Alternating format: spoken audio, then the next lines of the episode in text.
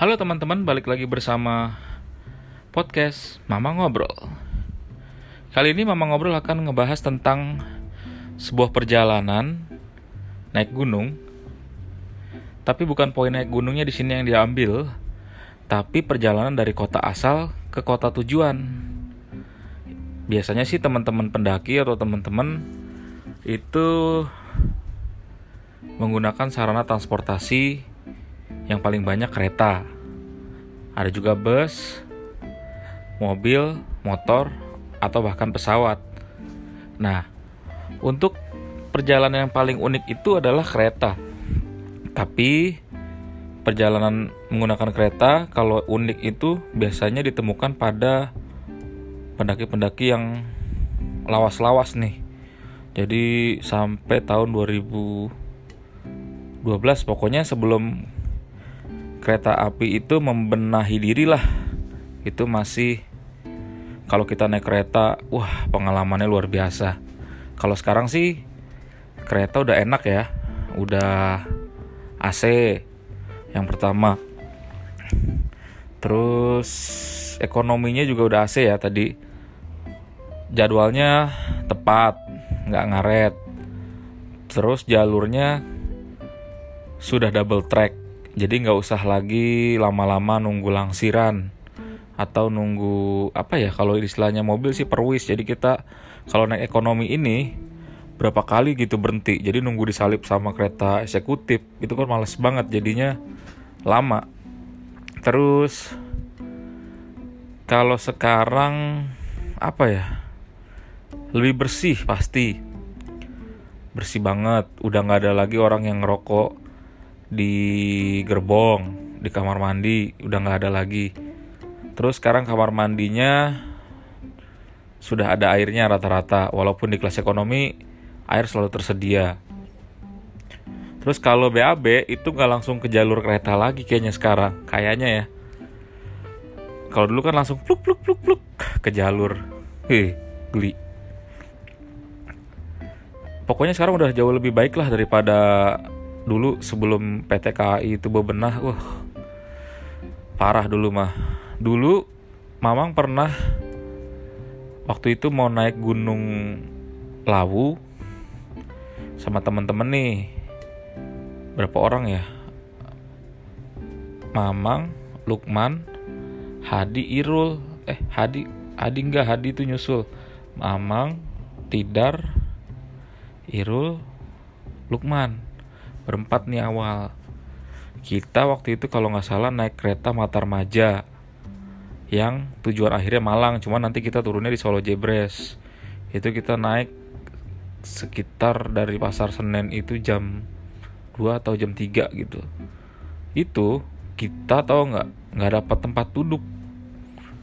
Jadi kita harus berdiri sampai Solo Jebres bayangin itu kita harus berdiri sampai jam. Jam berapa ya? Sampai jam 2 malam kalau nggak salah. Iya kurang lebih jam segitu. Jadi kita wah itu pedagang. Dari mulai pedagang telur asin dagang air dagang pecel dagang mainan anak-anak.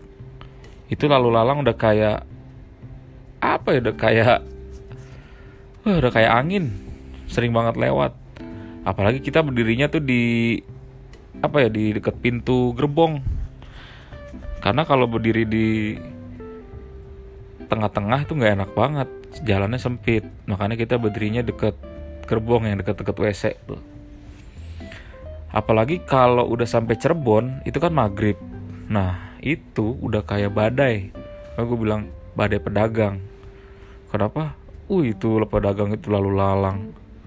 Udah kayak apaan tahu. Nah gue heran tuh pedagang di kereta itu kok nggak habis habis ya? Apa mereka muter-muter atau gimana sih? Atau mereka di setiap pemberhentian itu eh, pedagangan dari misalnya dari Cirebon nanti di Purwokerto mereka turun nanti gantian lagi sama pedagang dari Purwokerto. Kayaknya sih gitu.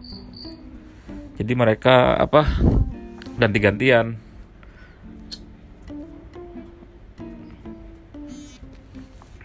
terus pernah uh, apa namanya?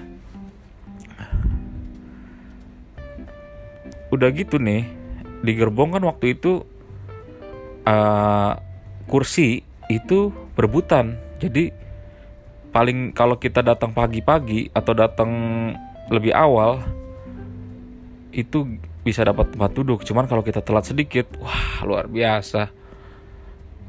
Padahal kita dapat tiket duduk nih cuman kalau udah ada yang duduk itu kita kalau mau ngusir wah galakan yang duduk galakan yang mau diusir galakan yang nggak punya tiket wah luar biasa. Terus banyak yang tidur paling paling melintang di lantai. Jadi kalau misalnya kita pun duduk mau ke WC itu kita ngelangkahin kaki orang, ngelangkahin badan orang. Uh, terus berbagai macam aroma di dalam gerbong itu luar biasa. Wah, pokoknya buat teman-teman yang dulu naik kereta sebelum KAI berubah itu pasti hafal deh ciri khas bau gerbong kereta api jarak jauh itu ada ciri khas bau-bau apa gimana gitu belum lagi ada orang yang ngerokok di dalam gerbong.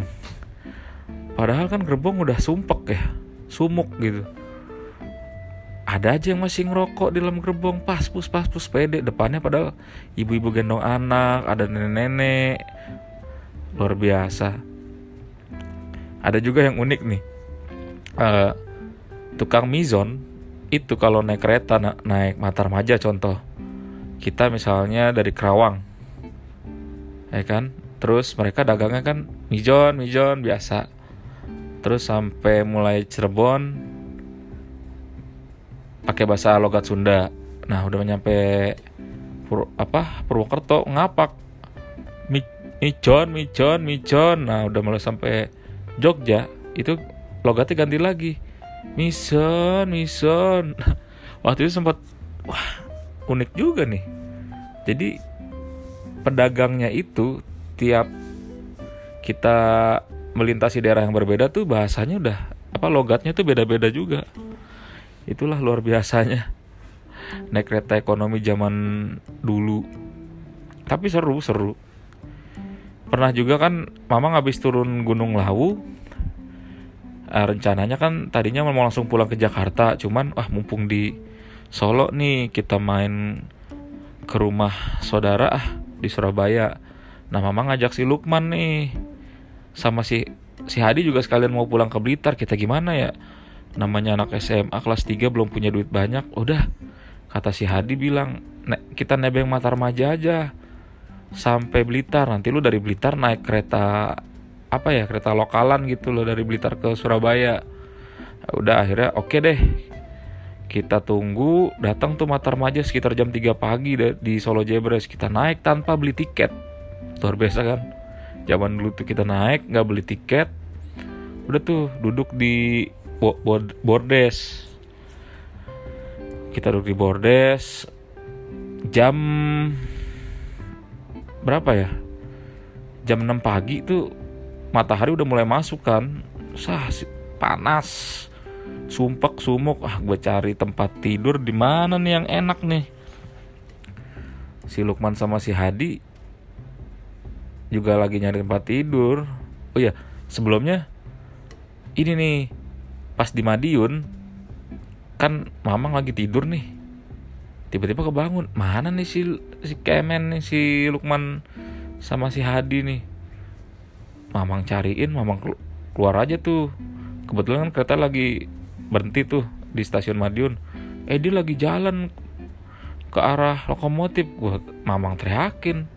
Woi mau ke mana lu gue mau di lokomotif. Udah lu situ aja. Jangan ikut-ikut gue bagaimana enak aja kalau lu ke situ gue ikut. Akhirnya karena kan tasnya kan ditinggalin tuh di gerbong. Jadi kalau mamang ikut juga ke lokomotif tasnya nggak ada yang jagain. Lah cuman kan nggak enak ya sendirian di gerbong nggak sama teman gak ada teman ngobrol.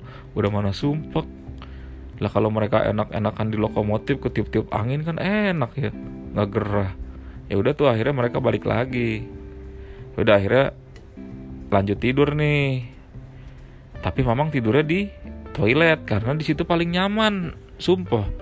Walaupun toiletnya tuh udah nggak fungsi jadi toilet lagi isinya tuh ada ayam ada wah ada bebek wah ada apalagi tuh? Ada wah pokoknya macam-macam lah. Dan itu udah nggak fungsi. Nah tiba-tiba mang dibangun sama Hadi. Oh, oh. Uh, kata Hadi gini ada ini nih ada pemeriksaan karcis. Wajir kita kan nggak beli karcis. Terus gimana dong? Ya udah nih akhirnya di situ kan ada tukang berem. Nah buat teman-teman yang nggak tahu berem berem itu makanan khas Madiun atau Magetan. gitu ya udah akhirnya kita coba tanya ke abang-abang tukang berem nih bang pinjam dagangannya dong buat pura-pura jadi pedagang biar nggak pintain tiket. Ya udah tuh akhirnya pedagangnya baik ngasih kita dagangan. Udah tuh akhirnya kita jalan satu gerbong tuh berem berem teriak berem berem berem nah pas nggak taunya nih petugas yang dilihat Hadi itu petugas tiket kita deketin taunya petu apa ya tukang tagih bantal. Ada udah dagang berem ya kan? Malu ya. Terus taunya bukan tugas bu, bukan petugas tukang tagih tiket itu cuman petugas apa sih? Petugas bantal lah istilahnya yang nyawa nyawain bantal ya udah akhirnya kita balikin dagangannya lah ke eh, tukang dagangnya. Itu salah satu pengalaman yang nggak bisa dilupain sih. Naik kereta jadi pura-pura jadi tukang dagang. Luar biasa. Pernah juga jadi dari kan udah sampai Surabaya terus kita main Surabaya pulang dari Surabaya naik Kertajaya ke Jakarta itu Mamang sama Lukman nggak dapat tempat duduk. Beuh. itu luar biasa menyiksa teman-teman Mamang pilih tempat apa ya tempat di gerbong paling belakang. Tapi enaknya zaman dulu kita boleh nongkrong di bordes ya kan? Sambil duduk atau sambil ngapain ke sambil makan minum es. Duduk di bordes ngeliatin pemandangan tuh wah itu luar biasa. Zaman dulu apalagi kalau dulu teman-teman tuh duduk di duduknya tuh di gerbong paling belakang nah biasanya kan di gerbong paling belakang tuh pintu belakangnya kan nggak ditutup. Nah itu teman-teman duduk tuh di paling belakang. Itu bisa ngeliatin ke arah belakang ngeliatin rel wah itu luar biasa. Nikmat sekali waktu itu. Sambil ngopi karena dulu kan ada tukang tukang kopi keliling di kereta. Jadi wah enak dah dulu tukang jajan di kereta tuh luar biasa banyak. Ya plus minus sih dulu uh, keretanya semerawut amburadul. Cuman kadang-kadang ya teman-teman juga pasti rindu lah. Dulu tuh orang lebih apa sih lebih bersosialisasi lah di dalam kereta ngobrol. Uh, pokoknya banyak orang lebih banyak interaksi di kereta dibanding sekarang. Karena kalau sekarang kan orang udah masuk kereta ada colokan ngecas. Hilang dunia real. Langsung masuk dunia digital nah kalau dulu tuh enggak kita ngobrol sama tukang pecel sama tukang kopi. Wah pokoknya bisa dapat berbagai macam cerita lah dari orang-orang yang ada di kereta. Dulu tuh gitu. Ya tapi kan nggak mungkin lah zaman seperti itu terus ya kan? Nggak manusiawi. Apalagi kalau lebaran orang masuk lewat jendela. Wah itu udah rebutan kayak pantau ya. Kereta ya PT KAI yang nggak mau kayak gitu terus lah. Itu harus berubah nah pokoknya pengalaman yang paling mengesankan dari naik gunung tuh ya perjalanannya. Itu yang kadang-kadang kita nggak bisa lupa di perjalanannya sih yang sering banyak diceritain ke teman-teman dari tahun ke tahun tuh perjalanannya ada aja yang lucu-lucu gitu. Entah naik kereta keretanya mogok naik mobil mobilnya mogok ya kan? Kalau naik pesawat nggak mungkin kan pesawatnya mogok. Jatuh dong jangan ya pokoknya buat teman-teman uh, kalau naik gunung itu kalau bisa sih kalau naik kendaraan naik kereta tuh hati-hati juga sih. Karena kalau sekarang sih enak. Udah ada polsuskanya mondar mandir terus ada apa securitynya ada tentaranya. Nah kalau dulu boro-boro. Walaupun kita beli tiket nih yang meriksain tuh nggak ada ada cuman jarang sih dulu yang tukang periksa tiket rajin gitu kayak sekarang. Belum lagi dulu tuh copet. Wah itu dia paling bahaya. Kita ketiduran aja sedikit uh tas hilang HP yang dulu zaman Nokia 3310 juga bisa hilang. Wah dulu mah parah. Luar biasa. Tapi kadang kan kita rindu juga kayak kayak gitu. Jadi ada cerita sih ah pokoknya banyak banget eh, hal-hal yang penuh kenangan di kereta sebelum PT KAI ini berbenah diri ya. Karena dulu ekonomi itu luar biasa banyak kenangannya. Uh, podcast Mamang sekian dulu uh, tentang perjalanan apa transportasi menuju gunung yang biasa digunakan oleh para pendaki uh, jangan lupa follow podcast Mamang uh, jaga kesehatan tetap di rumah rajin cuci rajin cuci tangan olahraga Oke, okay. bye. Assalamualaikum.